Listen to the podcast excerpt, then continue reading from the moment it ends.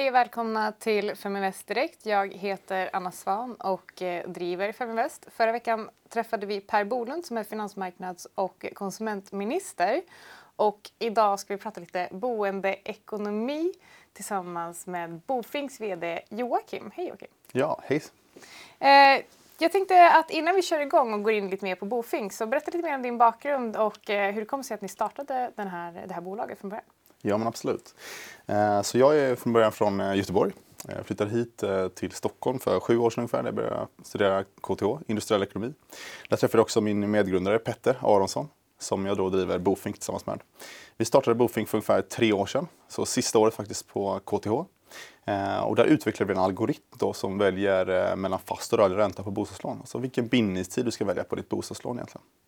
Och eh, det är ju högt aktuellt just nu och vi har ju sett både det här nya amorteringskravet och skärpta amorteringskravet. Det ska vi faktiskt prata lite mer om i nästa avsnitt för det är en hel djungel Eh, bara det. Och eh, du och jag sitter ju faktiskt just nu och tar fram en bolåneskola för att det ska bli lättare både för de som redan har bolån och vill veta hur kan jag förhandla ner min ränta och vad kan jag göra för de som eh, precis nu står, står i, inför att köpa sin första liksom, bostadsrätt eller villa eller vad det nu kan vara. Och för de som tänker att ah, men om fem sex år så skulle jag vilja köpa en bostad, vad behöver jag tänka på eh, inför det? Så att, eh, det, det är superspännande. Är, ja, verkligen. Så det är jätteroligt. Men eh, vill du berätta lite mer om de här tankarna kring bolåneskolan?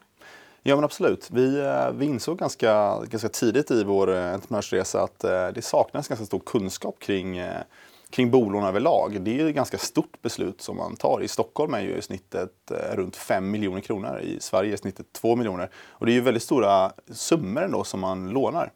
Och det är inte många som skulle råda någon på börsen och, och ta, lån, ta så pass mycket lån, leveragea och investera i ett fastighetsbolag eller något liknande som då har ungefär samma korrelation. Så Eh, vi insåg att det saknas någonting här och sen så började vi gräva lite djupare i det och såg att eh, privatekonomi är någonting som inte, i alla fall tidigare, har eh, liksom getts ut i skolan, i grundskolan som liksom någon typ av kunskap. Så här behöver vi ett kunskapslyft. Och då tyckte vi att eh, en bolåneskola från vår sida är ett liksom bra initiativ och någonting som fyller ett samhällssyfte. Precis, och eh, jag ser bara i, i mina nätverk att de absolut största frågorna och vanligaste frågorna är ju handlar ju om liksom ränta, hur kan jag förhandla ner räntan? Och många vet inte ens så att det faktiskt går. Och eh, hur mycket kontantinsats behöver jag? Kan jag köpa exakt hur mycket jag vill bara för att jag har den här kontantinsatsen? Så det, fin det, finns verkligen en lucka där och det känns eh, jättekul att vi ska jobba tillsammans och fylla det här kunskapshålet. Och eh, idag ska vi prata lite mer om eh, den här appen som ni har tagit fram som yes. Eh, delar upp eh, egentligen bolånet på fyra delar och sen får det ett betyg. Mm. Vill du berätta mer om det? Ja, verkligen. Så Bofink är en app som ger dig en hälsokoll på ditt bolån. Du ger ett betyg från 1 till 10 för att göra det väldigt, väldigt enkelt att förstå. Och vi har utvecklat en teknik som automatiskt hämtar bankdatan från din nuvarande bank Eh, och sen presenterar allting då tydligt i appen. Det tar ungefär 30 sekunder att registrera sig och gå igenom alla de här stegen. Och sen så får du ett betyg på fyra olika delar. Det är ränta, bindningstid, belåningsgrad och amortering. De fyra viktigaste benen kan man säga inom din eh, boendeekonomi. Eh, inom kort kommer vi även lägga till då, eh, bostadsrättsföreningens ekonomi som är ytterligare en dimension i liksom hela paketet för att eh, förstå risken kring, eh, kring bostadsekonomin. Precis, och eh, när jag har varit ute och pratat om den här appen förut så var det någon som, som frågade men jag amorterar jättemycket, varför får jag så dåligt betyg? Mm. Vill, du, vill du berätta vad det handlar om? Ja, exakt. Jo, men det är ju så att vi, vi utgår ifrån eh, Finansinspektionens eh, utsatta då, riktlinjer för eh, hur mycket man ska amortera. Och eh, man kan både få ett sämre betyg om man ligger för lågt eller om man ligger för högt. För det är så att man ligger för högt, då kan man ju faktiskt avvara en viss del och placera istället där man kanske kan få högre avkastning. Någonting som eh, du är väldigt duktig på. så exempelvis investera på börsen eller sparkonto eller en annan typ av investering där man kan få en annan typ av avkastning. Då. Precis, och eh, det här är du och jag diskuterat att eh, ju mer vi amorterar så är det liksom att eh, det äts ju upp, faktiskt upp av inflationen. Så att man skulle faktiskt kunna säga att om man amorterar för mycket så blir man av med 2% per år cirka. Ja. Och så har man alltså möjlighet så är det faktiskt bättre att se om man kan få högre avkastning någon annanstans. Men tror man inte att man kan prestera bättre än minus 2% per år då kanske amortering är det bästa sättet att spara och investera sina pengar. Så är det. Precis. Men ni, ni jobbar ju också framförallt med att liksom sätta, press, eh, sätta press på um, storbankerna. Ja. För att eh, de har ju väldigt mycket marginal när det kommer till just bolån. Och mm. eh, vad är planen? Vad vill ni göra? Ja, men precis som du säger så har ju bankerna nu i snitt 172 punkter, alltså 1,72 procentenheter i marginal, i bruttomarginal. Mm. Och det, ju, det blir ju enorma vinster. Vi pratar om ungefär 120 miljarder per år för bara de fyra storbankerna.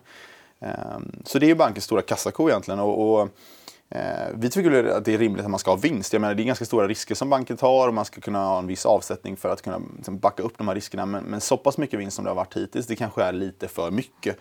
Eh, så vi vill gärna vara inne här och röra om lite i grytan. Och ehm, just nu så, så fungerar vi ju Eh, så att vi erbjuder användaren eh, erbjudanden i appen, så nischade, specifika, riktade erbjudanden till varje individ. Då.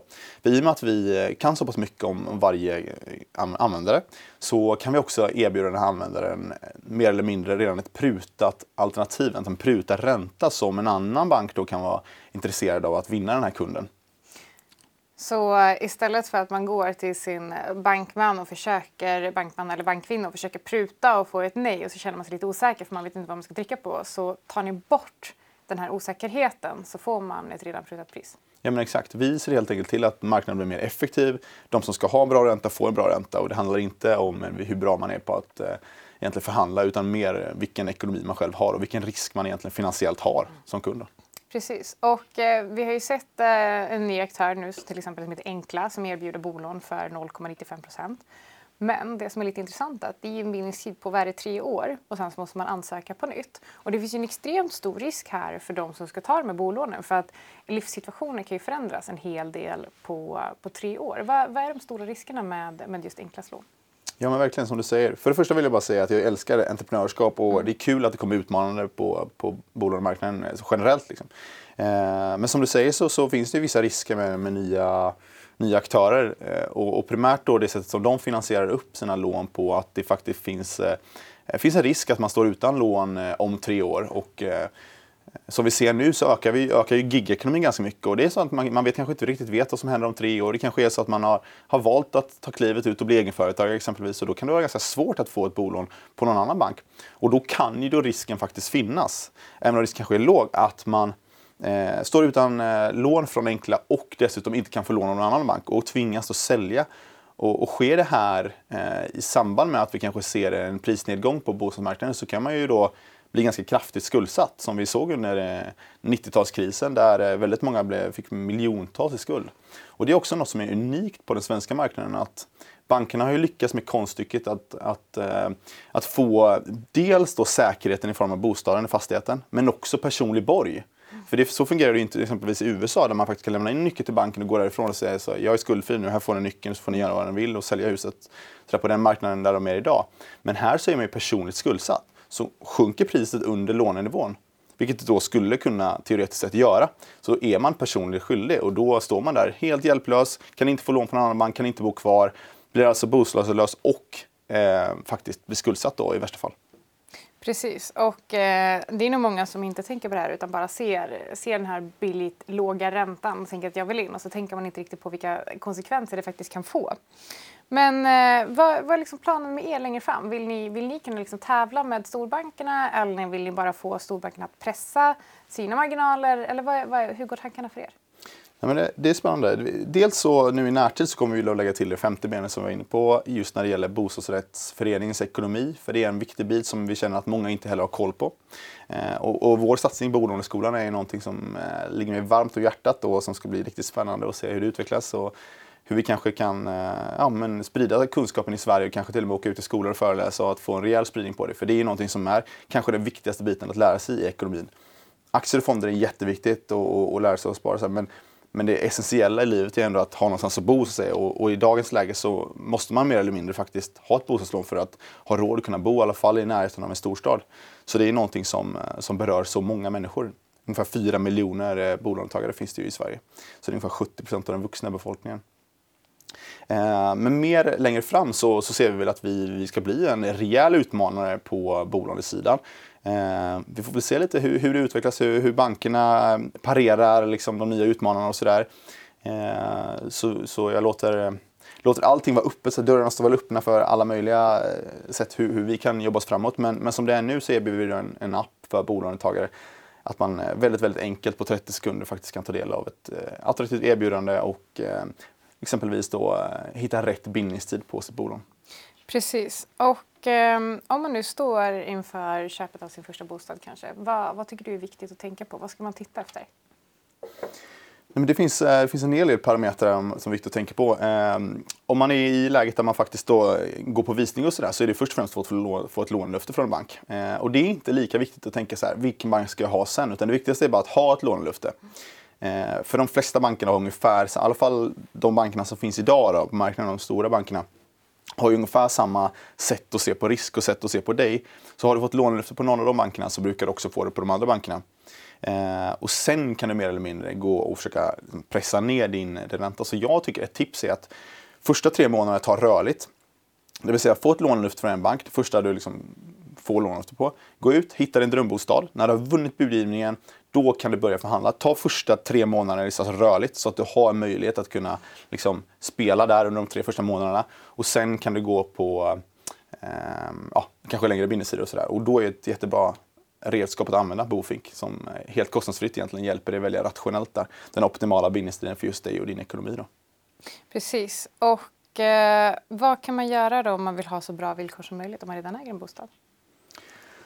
Men de, dels så går det mycket på din, på din inkomst sådär. Eh, och, och den kanske är svår att, eh, svår att justera bara sådär. Eh, det är klart att man kan få olika typer av inkomster vid sidan av, exempelvis sidojobb och sådär.